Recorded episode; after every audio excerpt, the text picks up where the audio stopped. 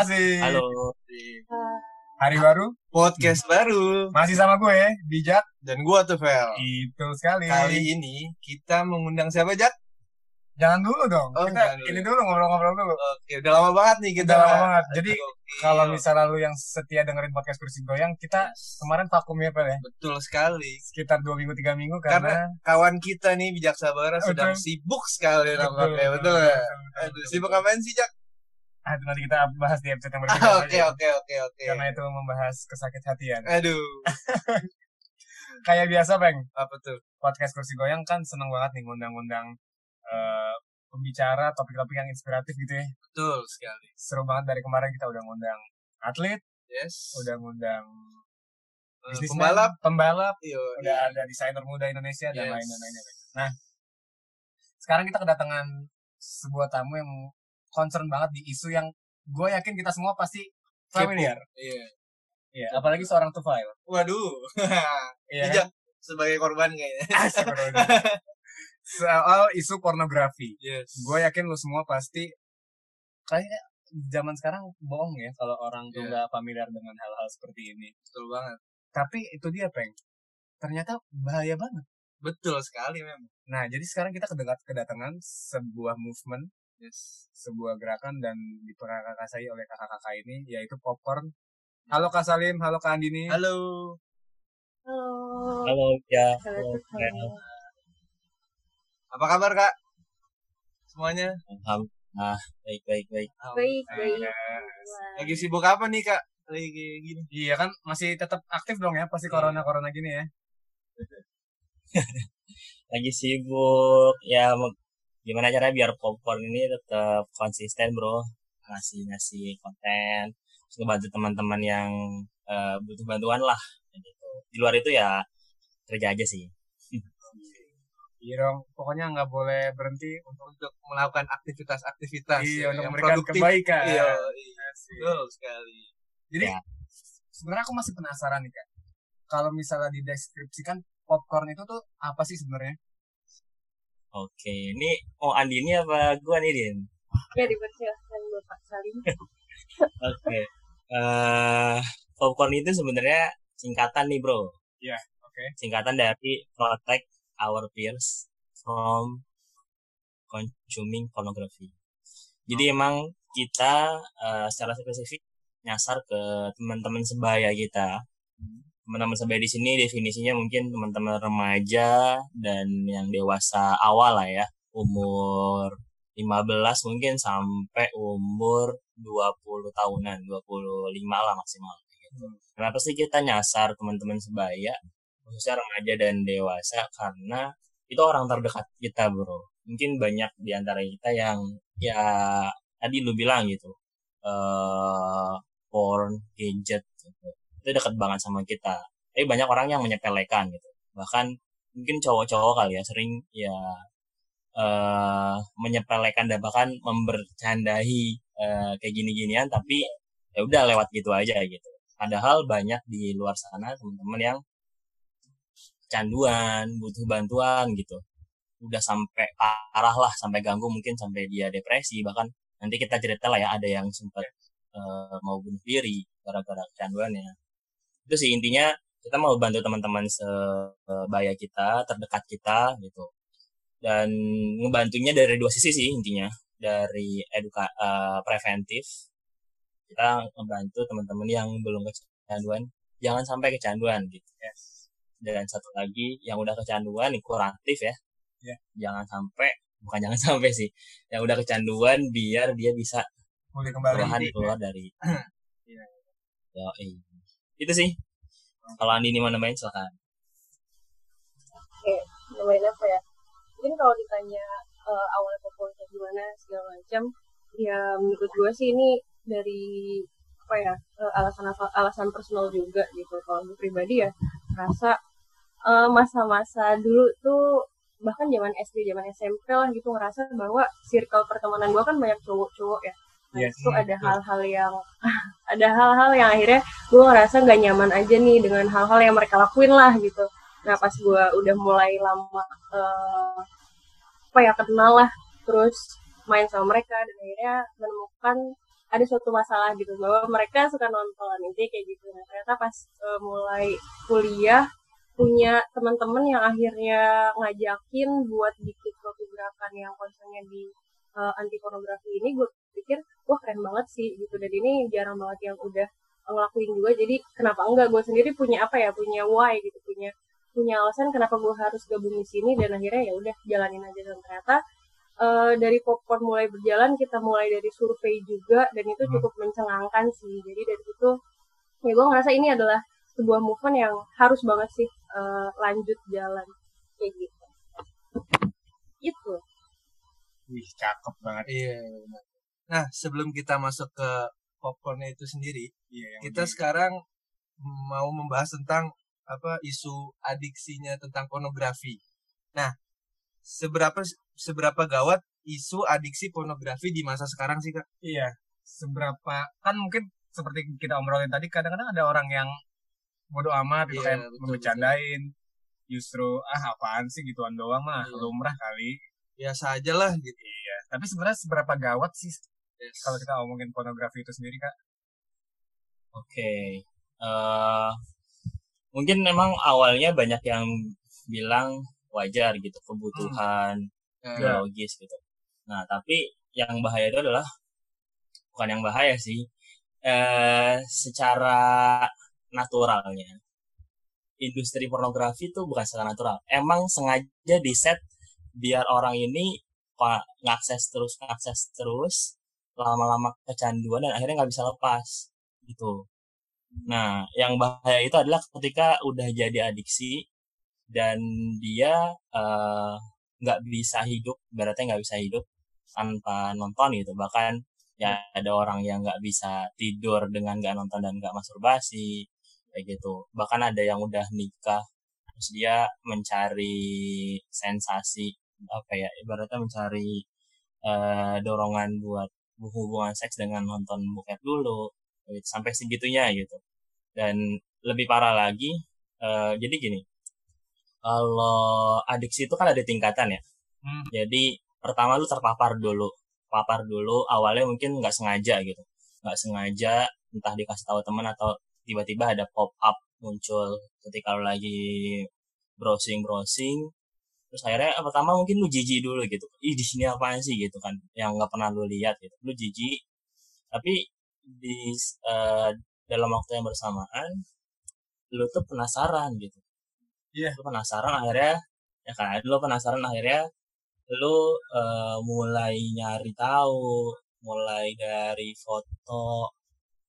Nah itu makin lama lu butuh yang lebih hardcore lagi lah kalau Yes. bahasanya gitu. pasti jadi kayak naik Ya kan? dosisnya gitu Iya. ibaratnya Iya, ibaratnya ya kayak narkoba juga sih sebenarnya. banget banget Mungkin ya Awalnya coba-coba. ya kan ada ya betul awal coba-coba terus mulai dari foto terus ya fotonya juga mungkin yang belum terbuka banget terus eh, sampai akhirnya eh, video gitu bahkan lebih parahnya lagi ya sampai yang udah di luar batas wajar gitu.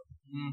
misalnya eh apa ya orang-orang yang eh, nonton eh nonton bokepnya mungkin yang genrenya sama binatang gitu Oh, atau yang genrenya udah kekerasan gitu kan. Iya. nah itu ada yang sampai kayak gitu. Itu kenapa bisa arah kayak gitu? Ya karena tadi mereka udah nggak cukup bro dengan rangsangan yang ibaratnya kalau batas eh, standarnya dia tuh udah naik terus gitu nggak cukup dengan dosis yang eh, rendah gitu. Itu dia udah nggak cukup lagi nggak terangsang lagi dengan dosis yang rendah gitu. Nah yang lebih parah lagi kalau dia udah nggak cukup hanya dengan nonton nggak cukup hanya dengan konsumsi. Nah dia untuk bisa mencapai eh, kepuasannya dia tingkat kepuasan yang barunya dia dia harus ngelakuin dong ke orang lain. Makanya muncullah kekerasan seksual pelecehan seksual. Termasuk yang lagi rame nih yang fetish kain jarik. Eh, itu sih. Kita bahas lebih lanjut karena ini ini siap. nggak habis pikir juga sebenarnya gue waktu gue baca ini orang sakit. Tapi kita bahas nanti.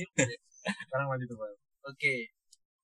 Nah kan tadi kan kakak udah ngejelasin tentang apa isu eh, tentang adiksinya pornografi. Iya, Nah, bagaimana itu sekarang menggerogoti ya. Sekarang gue pengen nanya tentang upaya apa aja sih yang dilakukan Popcorn untuk menangani orang-orang yang sudah kecanduan. Yes. Atau mungkin Oke, mungkin apa aja yang udah dilakukan popcorn ini sendiri di isu pornografi ini. eh, dari Andini kali ya, silakan Din. Ya, jadi tadi kalau Salim udah cerita kan emang dari Popcorn sendiri punya dua gerakan utama gitu ya, preventif sama kuratifnya. Maksudnya preventif adalah gimana kita meningkatkan awareness teman-teman yang belum kecanduan ya kita kasih nih sesuatu hal yang bisa meyakinkan mereka bahwa ketika lo udah ada di kubangan kecanduan pornografi itu adalah hal yang yang gitu oke banget lah kayak gitu. Dan bahkan sulit untuk keluar. Makanya buat teman-teman yang belum sampai di situ jangan sampai lah gitu. Nah, buat teman-teman yang udah mungkin di eh, ada di lingkaran itu nah kita berupaya buat jadi temen curhat kali ya temen cerita mereka ketika mereka ngerasa bahwa iya nggak sih kalau misalkan ngomongin tentang kayak gini tuh susah banget buat ceritain bahkan sama teman sendiri gitu. Iya nggak sih kayak gitu? Apalagi sama orang tua sendiri gitu. Padahal eh, yang kita dengar dari teman-teman yang curhat ke kita itu adalah sebuah masalah yang bukan hal sepele gitu. Bahkan hal-hal yang udah eh, berhubungan sama akhir akademis mereka akhirnya sampai ke kehidupan sosial mereka gitu. Dan akhirnya mereka berpikir bahwa ya udahlah gue nggak berguna gitu hidup di di Yes. dunia ini gitu. Bahkan sampai kayak gitu gitu. Bahkan gue sedepresi itu kak kayak gue nggak tahu sih gue harus apa gitu. Gue udah mau keluar tapi nggak bisa. Gue mau punya apa ya punya impian gue punya cita-cita gue punya goals dalam hidup tapi dalam hal kayak gini aja gue nggak berhasil gitu buat akhirnya keluar. Dan dari situ akhirnya kita dengerin nih cerita-cerita mereka dan eh, ngerasa bahwa pertama mereka butuh temen buat cerita dulu gitu. Mungkin kita bukan eh, bukan psikolog gitu ya benar-benar expert tapi eh, kita ngerasa bahwa selama di popcorn ini kita dengerin cerita teman-teman di sana eh, satu hal mereka tuh berasa bersyukur banget ketika mereka bisa cerita gitu. Jadi mereka punya temen buat seenggaknya menumpahkan apa yang sebenarnya mereka rasain gitu selama ini. Yang ternyata nggak sesimpel itu masalahnya dalam hidup mereka dan itu nggak pernah mereka bisa ceritain dan akhirnya mereka ceritain ke kita. Nah apa yang lakuin apa yang dilakuin popcorn intinya pertama kita dengerin dulu cerita-cerita mereka. Gimana sih akhirnya sampai mereka ada di posisi itu gitu. Dan akhirnya kita berusaha buat nge-replace nih gimana akhirnya teman-teman yang tadinya sibuk sama iya dunia kecanduannya itu kita jadiin mereka punya kesibukan lain. Kita ajak buat punya aktivitas lain gitu ya. Yang akhirnya bisa ngedistraksi mereka dari lingkaran itu. Itu sih sebetulnya akhirnya kita coba eh, jalanin bareng-bareng gitu. Intinya kita eh, meyakinkan mereka bahwa kita ada buat dengerin curhatan mereka dan kita bisa berjuang bareng-bareng sih buat keluar gitu. Karena orang-orang yang kayak gitu merasa bahwa butuh banget nih reminder gitu. Apalagi kayak yaudah kita ngasih kita set suatu goals. Misalkan kita nggak relapse sampai satu bulan. Oke jadi dari situ kita nge-reminder juga buat akhirnya jangan sampai sebelum satu bulan itu ya relapse lagi kayak gitu sih sebetulnya. Intinya gitu. Eh, tadi kan kakak udah sempat ngobrol, oh ada beberapa eh, hal yang tadi udah dilakukan popcorn, satunya preventif, kuratif. Kalau ini menarik yang tadi kakak bilang soal menjadi sebuah teman jadi konseling. Sejauh ini progres apa saja yang sudah didapatkan di popcorn ini? Apakah sudah ada orang-orang yang mungkin akhirnya terlepas kah? Sudah sembuh? Oh, eh, ada, tapi ini bukan pure karena popcorn ya. Iya. Karena kan kita juga terbatas kan. Maksudnya kita juga teman ceritanya dari jauh gitu, secara online. Nggak kontrol terus-terusan. Jadi faktornya yang ngebuat dia berhasil untuk nggak relapse. Relapse tuh balik lagi ya ke kecanduannya ya nonton dan masturbasi gitu ya. Hmm. Nah, eh, dia ceritanya eh, dia sempat eh, kecanduan dari dari SMP kalau nggak salah. Sekarang dia eh, kuliah gitu. Nah, tapi eh bukan lucu sih. Eh dia eh kerennya dia bisa seratusan hari nggak nonton dan nggak masturbasi di kondisi pandemi ini. Wow. Gitu. Suatu. Padahal Yang justru harusnya ya orang-orang malah gabut ya kan ini bahaya banget. Yes. Nah, itu betul betul. Karena di kondisi pandemi ini tuh lu lu, lu gampang banget kan apalagi lu nggak keluar nggak sekolah nggak kuliah atau nggak kerja ketemu orang banyak lu cuma di kamar gitu yang mungkin bahkan banyak orang uh, yang ya sehari bisa mungkin nonton 2 sampai tiga kali bahkan di Pornhub sendiri gue dapat data statistiknya naik sampai berapa ratus persen gitu stat, uh, usernya gitu. Tapi dia berhasil buat nahan diri seratusan hari nggak nonton. Itu uh, apa ya gue agak lupa tapi dia uh, yang ngebuat dia berhasil apa tapi lebih ke dia menjauhi segala uh, stimulus ya saya misal dia uh, dapat stimulus dari uh, media sosial gitu. Hmm. nah akhirnya dia uh, uninstall nggak pakai lagi gitu. Ataupun dia nggak not apa ya menjauhi konten-konten yang cewek-cewek uh, terbuka. Kayak gitu. gitu terus dia akhirnya mencari hobi baru sih sebenarnya. Mencari yang dia senengin juga.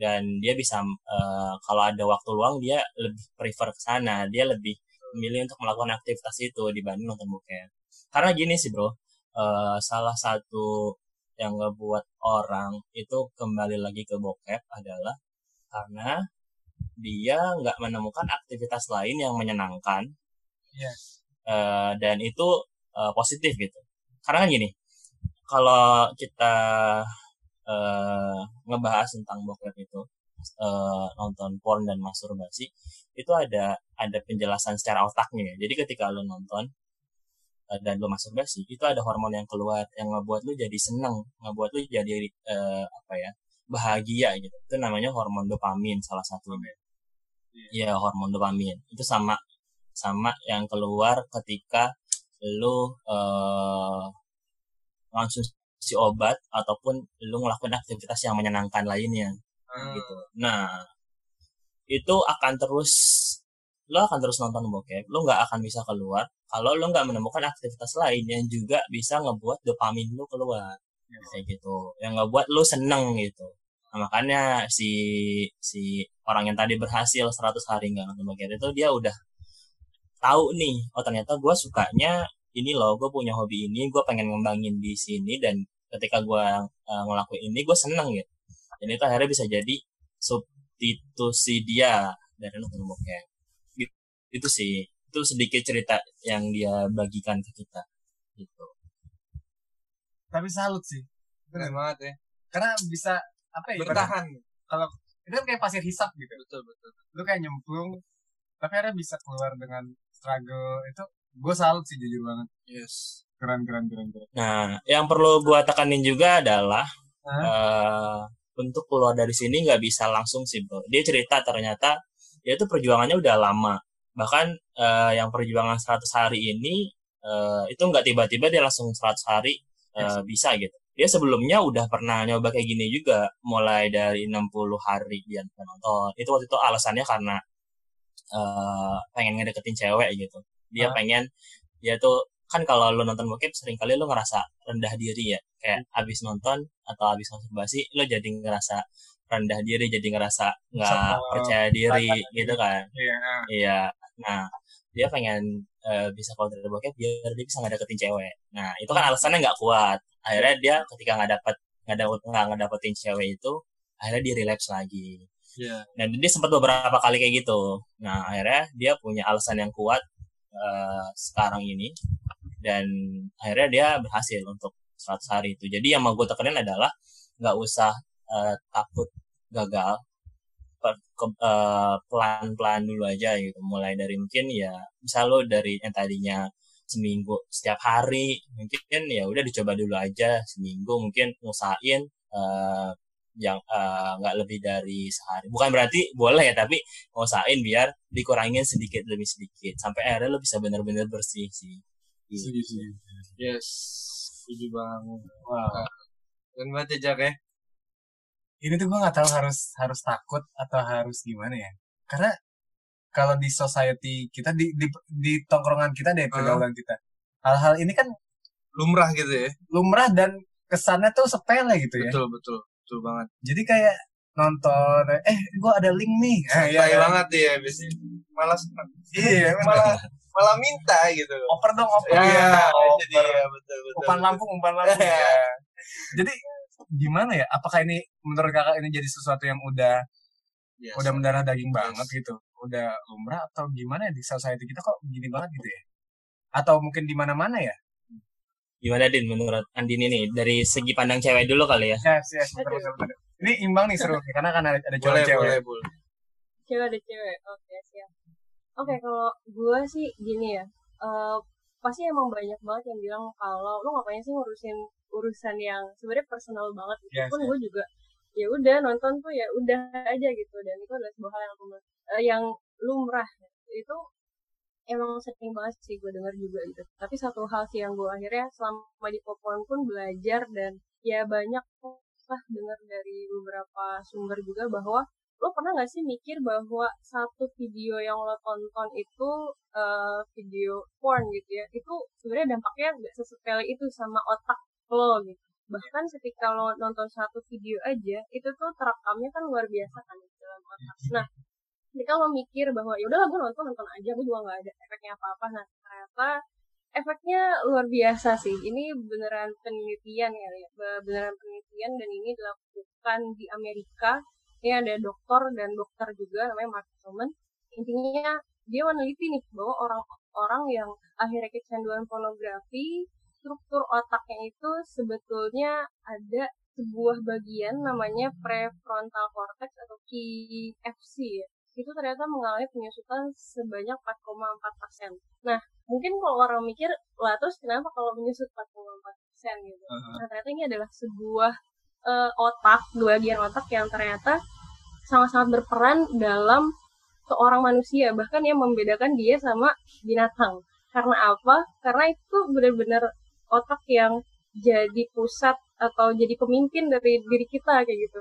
Gimana akhirnya kita menentukan keputusan-keputusan, gimana akhirnya kita mempertimbangkan benar atau salah, gimana akhirnya kita punya apa ya break system ataupun kayak gimana akhirnya kita punya rem dalam diri kita sendiri untuk batas-batas tertentu ataupun sebuah hal-hal yang kita tahu itu negatif buat diri kita tapi ketika break system itu hilang bahkan sudah hancur gitu ya nah itu dari PVC itu ya itu.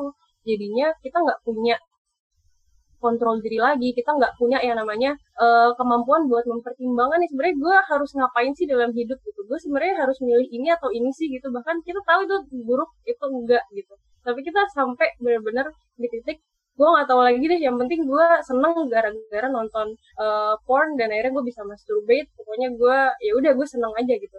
Nah padahal itu adalah hal-hal yang ketika kita apa ya kita eh kita lanjutkan maksudnya ketika itu sekali masuk dalam diri kita dan kita biarin itu terjadi sama diri kita bahkan sampai bertahun-tahun itu adalah hal yang sebenarnya ngeri banget sih gitu. Karena ngomongin tentang porn gue gue mungkin perempuan kali ya tapi gue pernah dengar dari laki-laki gitu bahwa kalau lo nonton porn itu sebenarnya nggak cukup ya namanya ketika ya udah awalnya mungkin cuma 500 MB terus lama-lama jadi satu giga koleksinya tuh jadi 2 giga 3 giga. Pernah nggak sih kalian merasa itu, itu cukup? Enggak kan kayak gitu. Iya. bahkan itu yang ngerinya adalah karena iya ngerinya kayak gitu. Karena apa? Porn itu nggak meminta kita untuk eh, sesuatu video yang lebih panjang ataupun video yang lebih banyak kayak gitu. Tapi mereka menuntut sesuatu yang lebih beda kayak gitu. Karena mungkin awalnya mungkin tadi Salim udah ngomong ya awalnya mungkin ya persentase keterbukaan gitu ya. Dari video itu atau dari foto itu cuma 50% lama-lama udah biasa aja nih ngelihatnya 50% terus tuh ngeliat lagi yang 70, 80, 100 gitu. Bahkan sampai akhirnya udah nggak lihat foto lagi lihatnya video yang sampai acting out kayak gitu bahkan sampai acting out yang biasa aja mungkin ya hubungan lah itu yang normal-normal aja udah biasa aja kita ngerasanya udah nggak ada excitement gitu ya udah nggak ada sesuatu yang bergejolak dalam diri kita kita mencari yang lebih aneh lagi gitu. Bahkan kata Salim tadi iya lebih lagi lebih lagi dan bahkan lebih beda lagi gitu. Karena yang normal-normal aja mungkin udah oke-oke udah nggak ada udah nggak ada serunya lah ditonton gitu. Jadi nyarinya yang lebih lebih seru dalam tanda kutip gitu yang aneh mungkin yang hubungannya bukan sama manusia lagi mungkin sama binatang ataupun kayak mungkin sekarang pernah sering dengar ya uh, Ya. udah mulai viral juga uh, kayak berita-berita tentang suami menjual istri untuk apa berhubungan trisam gitu eh bener gak sih Lip? Eh, pokoknya seperti itu kalau mas Ya, itu betul, tuh ya, ya, benar. Iya betul betul. Iya itu kan sering kan didengar gitu bahkan kayak ada eh ini kalian pernah dengar nggak sih tentang Ted Bundy yang pembunuh berantai? Pembunuh berantai. ya dari Amerika itu tuh sebenarnya ketika dikulik sama seorang psikolog yang interview dia Hmm. ternyata eh, yang jadi masalahnya adalah dia kecanduan pornografi sejak puluhan tahun yang lalu. Dan dia punya fetish untuk eh, akhirnya menyiksa orang gitu dan memperkosa. Nah itu yang parahnya sih mungkin sampai di titik itu sih. Mungkin awal kita mikir ya udahlah nonton porn nonton porn aja. Gue senang senang aja gitu yang akhirnya eh, membuat orang menjadikan itu adalah hal yang lumrah gitu padahal itu nggak sama sekali sesepele itu ketika satu video aja tuh masuk ke dalam otak kita gitu itu memprosesnya luar biasa karena emang di otak kita udah disetting sebegitu ya hebatnya lah supaya untuk ya itu berhubungan itu ya sama manusia dan lawan jenis gitu Ya. Berarti Oke. lingkaran setan banget ya. Bener bahaya banget sih. Iya, Satu, satu, satu ter. Wah. Nah, iya ini udah disinggung awalnya kayak sama, ya udahlah biasa aja gitu. sama Mbak Nini sama Mas Salim soal nggak pernah cukup, nggak pernah cukup. Akhirnya menuntut lagi hal yang beda, hal yang lebih ekstrim, hal yang lebih hot lah dalam tanda kutip gitu ya. Dan itu akan terus terus terus terus terus bahkan sampai hal-hal yang aneh. Iya betul betul. Mungkin eh, kalian semua dengar udah udah familiar banget sama kasus-kasus yang akhir ini baru naik ke permukaan ya. Yes, baru booming ya. baru booming soal fetish juga Ya. yaitu fetish kain jarik Iya, kain jarik betul. Hmm. Ah, ah. Tweetnya belum lama ini keluar kalau nggak salah baru dua minggu ini dan memang memang gue pun bacanya gimana ya gue pun sampai nggak tahu mau ngomong apa Iya, untuk bener. ini gue baca chatnya jadi kayak gue sih memahaminya ya ini udah sampai udah udah mengkonsumsi hidupnya gitu bahkan sampai cara dia ngomong cara dia bla bla bla bla bla. menurut mas-mas dan mbak-mbaknya sendiri nih gimana nih soal kasus ini Oke. Eh fetish ya. Nanti mungkin kalau definisi eh bisa dicari lah ya di internet, di YouTube banyak gitu. Iya. Tentang fetish itu apa. Nah, eh yang yang gua mau highlight sebenarnya gua tadi baca ada artikel yang kira-kira apa sih yang ngebuat orang itu bisa sampai fetish dan merugikan orang ya? Karena mungkin ada fetish tapi nggak merugikan orang gitu. Ya Hmm, kalau iya. kalau peng- yang pas ya kalau penyalurannya pas. Ya ya maksudnya ya misal sama pasangannya dan itu legal lah ya Betul. gitu. Dan dan nggak maksa lah ya ada konsen kayak ada gitu. nah yang bahaya adalah itu adalah ketika itu merugikan orang nggak ada konsen dan itu juga yang Ilegal. merugikan. Kalau udah yang termasuk gangguan itu kalau itu juga menggang- mengganggu diri sendiri. Kalau yang gue baca di si fetish itu yang si kain jarik itu kan eh dia maksa maksa gitu kak. Nah maksa dan kalau nggak diturutin dia akan ngambek dia akan ya sampai dia memanipulasi orang tuanya bilang kalau dia eh, bermasalah gitu kan gara-gara nggak diturutin. Nah itu karena mungkin udah sampai dia nggak bisa nahan lagi gitu kalau nggak diturutin keinginannya. Itu udah termasuk gangguan tuh kalau udah mengganggu diri sendiri dan akhirnya nggak bisa ngapa-ngapain kalau fetishnya itu nggak diturutin gitu. Nah eh, yang mau gue tekan di sini adalah ternyata yang gue baca di artikel dari ini pernyataan psikolog namanya Mbak Alexandra Gabriela.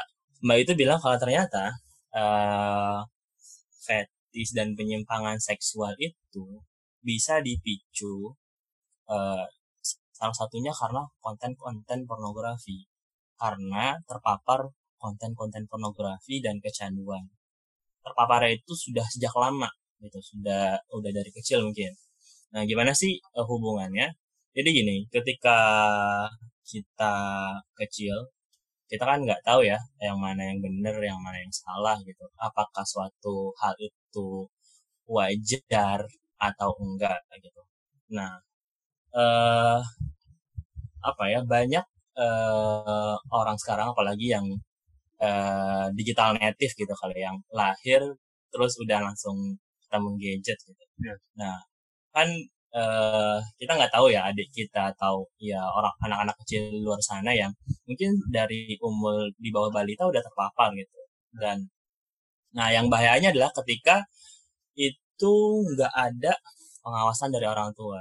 Ini yang mau gue juga adalah yang ngebuat eh, adiksi pornografi bahaya khususnya di Indonesia adalah karena tabu itu sih porn Hmm. dan seks itu masih tabu.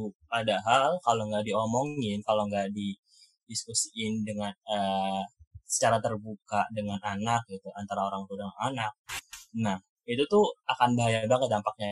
Nah, misalnya nih lo punya anak gitu anak lo tiba-tiba eh, apa ya eh, terpapar gitu dapat pop up konten bokep Yes. terus elunya tuh sangat tertutup ketika anak mau ngediskusiin itu mau nanya apa ini apa sih? Lu langsung eh, menutup diri gitu terus langsung lu marahin anak lo nah itu yang bahaya ketika eh, lu nggak apa ya eh, orang tua tuh nggak ada eh, edukasi seksual edukasi terhadap hal-hal kayak gitu itu secara terbuka. Nah akhirnya anak tuh nggak mau ngobrol sama lu nggak ngobrol sama orang tuanya dan akhirnya ya makin nyari tahu aja dia gitu makin jauh dia sampai akhirnya kecanduan tadi dan karena dia masih anak kecil nah akhirnya itu kebawa sampai gede dan menganggap eh, hal-hal di porn itu sebagai sesuatu yang wajar kayak gitu. Dan terbawa hingga dewasa. Nah kalau fetish di sini kan eh, apa ya Eh, fetish kan suatu suatu kejadian ketika lo mendapatkan eh, rangsangan seksual dari eh, apa ya dari benda mati atau bagian tubuh yang eh, di luar di luar bagian seksual ya gitu. Nah itu tuh bisa terjadi ketika tadi eh, rangsangan ketika lo nonton porn itu udah udah apa ya udah udah di luar batas wajar gitu Oh, misalnya dengan binatang atau iya udah tadi udah udah eh, tingkatannya udah udah udah di luar batas lah itu pertama. Dan kedua bisa jadi karena eh, gini kan misal orang tua nih ketika lo nonton bokep terus lo ketahuan orang tua atau eh, lo diomelin orang tua kan lo pasti dilarang banget kan nggak boleh nonton lagi nggak boleh nonton lagi gitu. Padahal eh, hasrat atau eh, apa ya stimulus seksual tuh mungkin akan ada terus gitu. Dan mereka nggak tahu penyalurannya gimana. Nah makanya ada anak-anak atau orang-orang yang akhirnya menyalurkan ke eh, hal-hal yang mereka anggap itu aman dan tidak salah. Misalnya ke kakinya gitu ke baju atau ke benda-benda mati lain yang itu eh, menurut dia itu aman untuk disalurkan hasrat seksualnya. Gitu. Nah itu tuh ketika makin lama itu terjadi dan dia anggap itu sebagai suatu hal yang wajar sehingga akhirnya muncullah fetis itu gitu. Kebawa terus sampai dewasa Kayak gitu sih yang gua baca di artikel tadi. Berarti kalau misalnya kita sambungin ke kasus Gilang ini, berarti dia udah ada di titik ekstrim dong ya bisa kita bilang ya. Dan dengan iya. Kalau menurut gue sih gitu karena jadi sebenarnya eh, yang ngebuat orang itu fetis kan karena dia mengasosiasikan ya benda yang dia anggap fetis itu sebagai rangsangan seksual. Nah itu bisa jadi ya kalau menurut gue asumsi gue adalah dia pernah eh, terlibat dalam suatu eh, eh, suatu mem bukan memori suatu kejadian di mana entah dia terangsang dan eh, dan kain itu dan apa ya kalau gue bukan kainnya doang sih eh, posisi bukan posisi sih maksudnya ini ya, eh, yang dia ikat ya yang dia diikat terus badannya diikat terus dilakban. Iya. terus eh, si korbannya juga diminta buat kayak mengeluarkan emosinya.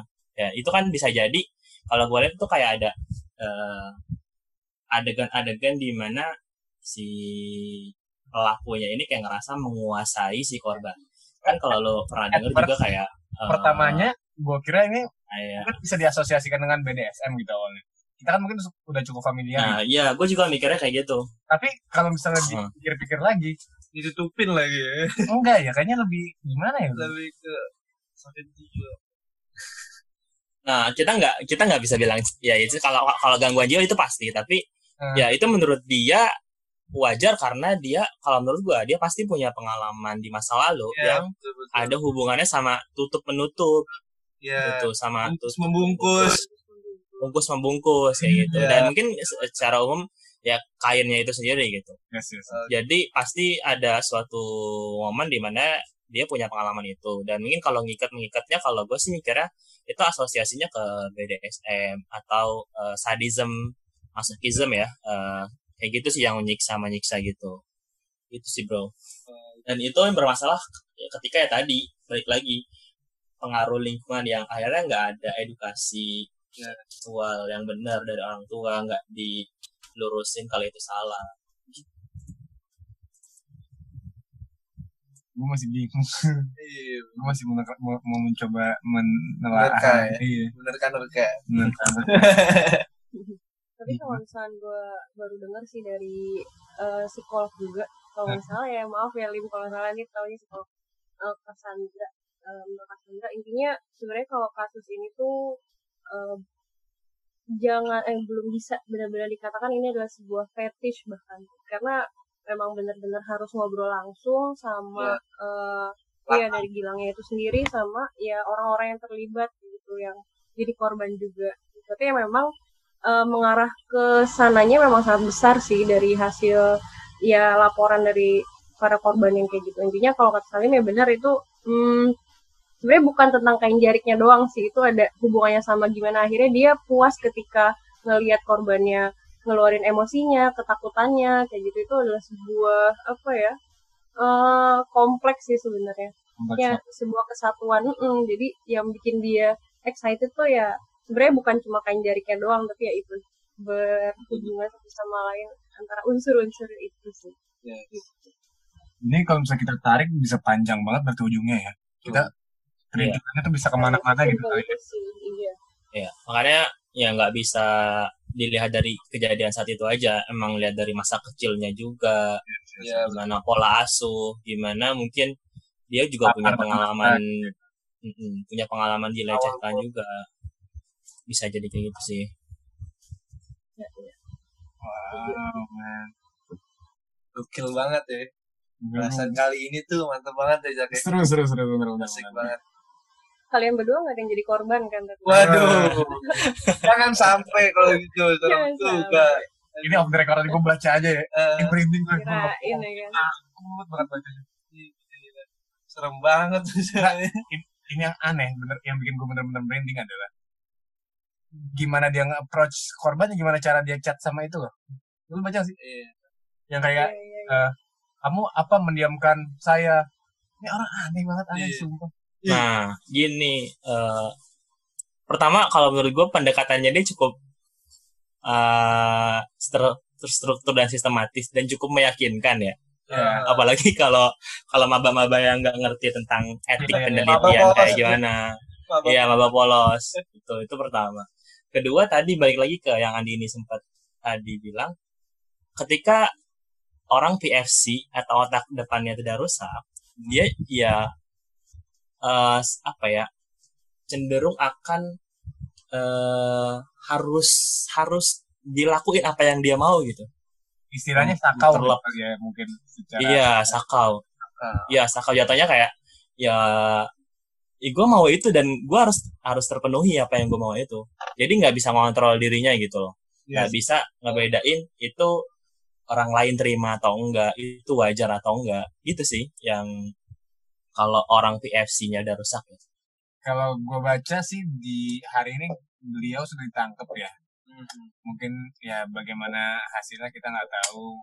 Tapi semoga nggak terulang ya jelas. Betul, semoga korban-korbannya tetap eh, semangat dan Yes. bisa pulih kembali dari traumanya. mengawali hidup baru Benar, gitu aja sih.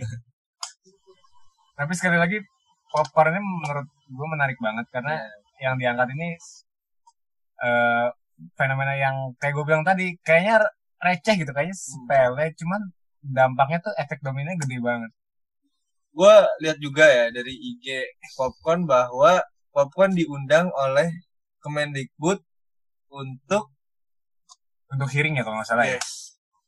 Ya betul betul betul. anggapannya apa ya Dan waktu itu yang disampaikan apa ya kalau boleh tahu? Eh intinya sebenarnya itu yang diundang bukan popcorn doang sih. Jadi Ah. waktu itu kebetulan atau apa kabinetnya Jokowi baru terbentuk dan Mas Nadiem terpilih jadi Menteri Pendidikan dan Kebudayaan dia ngundang komunitas-komunitas yang concern di isu pendidikan. Nah, Popcorn waktu itu dapat tawaran dan dapat kesempatan buat masuk sebagai salah satu komunitas yang datang walaupun sayangnya kita nggak berhasil untuk menyampaikan pendapat di forum itu. Kita cuma eh, ngasih eh, rekomendasi, rekomendasi kebijakan ke Kemendikbud gitu. Rekomendasi kebijakannya bisa dilihat eh, ada linknya. Eh, nanti kalau kalian mau baca juga boleh nanti gua kasih linknya. Tapi intinya secara umum kita di situ ngasih tahu bahwa yang ngebuat eh, orang apa ya, fenomena-fenomena kekerasan seksual, pelecehan seksual, terus adiksi pornografi, adiksi seks gitu. Itu banyak terjadi karena ya eduk eh, salah satu faktor terbesarnya juga adalah edukasi seksual yang kurang. Gitu. Edukasi seksual yang minim yang ngebuat akhirnya ya di sisi lain nih di sisi lain gadget eh, bebas banget porn juga gampang banget diakses bahkan cenderung menarget cenderung ngejar-ngejar kita gitu ya. Bukan kita yang ngejar mereka tapi mereka yang ngejar kita biar kita akses dan kecanduan. Tapi di sisi lain edukasi seksual yang benar itu baik benar secara eh, ilmiah secara biologis ya maupun benar secara agama ya itu kurang banget. Hmm. sehingga ya udah lo eh, nggak dapet eh, pengetahuan yang benar di sekolah maupun di rumah ya udah lo nyari tahu sendiri dengan nonton bokep dengan ya mengakses konten-konten yang akhirnya ngebuat eh, rugi lu sendiri dan akhirnya bisa jadi ngerugiin orang lain di masa depan. Se- itu sih secara umum yang kita rekomendasiin edukasi seksual yang ber eh, in- berintegrasi terintegrasi gitu. Terhubung antara sekolah dan orang tua. Itu sih. Pertanyaan terakhir dari gue malam ini kak, buat kak ini dan kak Salim. Misalnya ada seseorang yang mungkin saat ini sedang bergumul dengan adiksinya, sudah udah kebingungan, udah hampir putus asa untuk untuk eh, menghilangkan adiksinya ini terhadap pornografi, sudah kecemplung lah istilahnya. Apa yang harus dilakukan untuk akhirnya keluar dari ini semua dan menyelesaikan masalahnya? oke jadi Andini silakan Din Oke, dulu. Oke, intinya gue cuma mau bilang kalau eh gini, kecanduan itu nggak membuat lo itu nggak punya pilihan gitu dalam hidup. Akan selalu ada pilihan buat orang-orang yang bahkan berpikir bahwa udahlah gue udah sampai di titik ini, gue udah sedalam ini ada di palung kecanduan pornografi gitu. Tapi padahal enggak. Ketika ot- otak kita berpikir ketika kita berpikir bahwa otak kita bisa sampai seluar biasa itu kecanduan pornografi, maka sebenarnya otak kita juga seluar biasa itu bisa nge kembali gitu ke posisi atau ke kondisi semula gitu insya Allah. Selama ada niat gitu. Bahkan eh, kalau misalkan pernah baca di konten popcorn salah satunya boleh scroll ke bawah itu ada namanya namanya brains delete button gitu.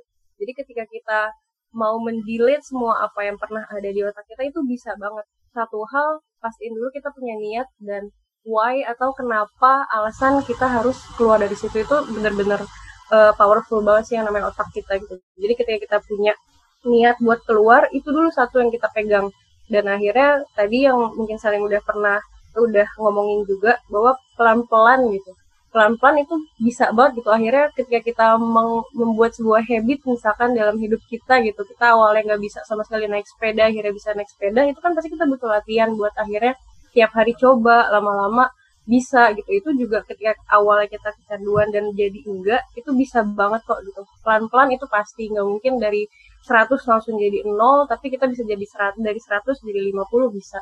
50 ke 30 dan 30 jadi 0 tuh bisa banget gitu satu hal ya tadi niatin dulu bahwa kita mau keluar kita tahu kenapa kita harus keluar dan ya itu. Mungkin popcorn bisa jadi teman cerita juga gitu buat akhirnya saling nguatin sih yang penting. Karena ya struggling sendiri itu beratnya luar biasa ya pastinya. Jadi mungkin butuh temen nah itu bisa banget hubungin popcorn atau punya teman-teman yang kita percaya buat akhirnya berjuang bareng. Intinya kayak gitu sih punya temen dan ya itu kita punya replace ataupun kita punya pengganti yang akhirnya bisa jadi uh, pengganti kita buat bahagia gitu. Karena ya mungkin kita mikir ya udahlah gue udah lagi depresi gue capek gue ke porn aja gitu. Akhirnya bahagia. Padahal itu bahagianya ya semu banget lah. Bahkan cuma beberapa menit beberapa detik setelah itu akhirnya kita malah merasa bersalah lagi. Kita ngerasa nggak berguna lagi. Malah itu yang bikin pertanyaan besar sebenarnya lo bahagia atau enggak sih ketika lo ada di situ gitu jadi gitu sih? Gimana akhirnya kita nge-replace kebahagiaan kebahagiaan itu dengan sebuah kebahagiaan yang ya benar-benar sempurna lah gitu. Benar-benar kebahagiaan yang utuh kayak gitu. Bahkan di teman-teman popcorn juga selalu bilang bahwa kita nggak ngajak lo semua buat jadi orang yang suci. Bukan kita juga bukan orang yang suci tapi kita cuma berharap bahwa dan percaya bahwa kita semua berhak bahagia sih gitu tanpa pornografi. Jadi berpikir aja bahwa ketika lo keluar dari pornografi lo udah menuju sebuah kebahagiaan yang hakiki lah gitu. Hakiki. Kayak gitu aja sih sebenarnya dari gue. Ada tambahan dari Mas Salim? Oke itu uh, dari Andi ini mungkin buat teman-teman yang udah tahu kalau porn itu salah ya dan udah ngerasain nggak uh, apa ya dampak buruk di diri mereka. Kalau mungkin buat teman-teman di sini yang masih menganggap bahwa porn dengan mereka nonton porn mereka tetap baik-baik aja. Terus tetap bisa ngikutin sekolah atau kuliah dengan baik-baik aja. Oke sekarang mungkin lo uh, ngerasa baik-baik aja. Tapi nanti ketika lo makin uh, pengen konten yang lebih uh, parah lagi yang lebih hardcore lagi itu lo akan baru ngerasain dampaknya. Dan apalagi kalau misalnya nanti lo udah punya istri bisa jadi lo nggak puas dengan istri lo yang satu gitu lo akan berganti-ganti pasangan dan ya pasti kasihan gitu ke istri lo sendiri. Dan mungkin lo juga bisa banyak baca lah kalau mau tahu bahayanya porn banyak uh, YouTube di luar sana banyak cerita-cerita orang-orang luar sana yang ya emang mereka udah ngerasain dampak buruknya gitu sing tinggal search aja kayak gitu. Uh, dan satu lagi itu kan tadi buat teman-teman yang ngerasain kecanduannya. Nah buat orang-orang di sekitarnya orang-orang yang kalian punya teman yang kecanduan. Uh, pertama uh, deketin mereka sih. Jangan jauhin mereka. Karena kalau dijauhin kasihan sih. Ya kasihannya entah mereka semakin parah dan uh, bisa jadi mereka akan jadi pelaku pelecehan seksual. Dan mungkin kalau nggak sampai jadi pelaku pelecehan seksual yang kasihannya mereka adalah itu akan mengganggu kehidupan mereka. Ya gue uh, menemukan teman-teman yang depresi yang mau bunuh diri. Walaupun porn itu bukan satu-satunya tapi porn adalah uh, pelampiasan dan mungkin juga bisa jadi uh, apa ya uh, bisa jadi masalah yang merembet lah karena porn terus lo jadi depresi terus lo nggak bisa kuliah dengan benar dan akhirnya hidup lo berantakan dan lo mau bunuh diri kayak gitu. Itu bisa jadi awalnya karena porn itu.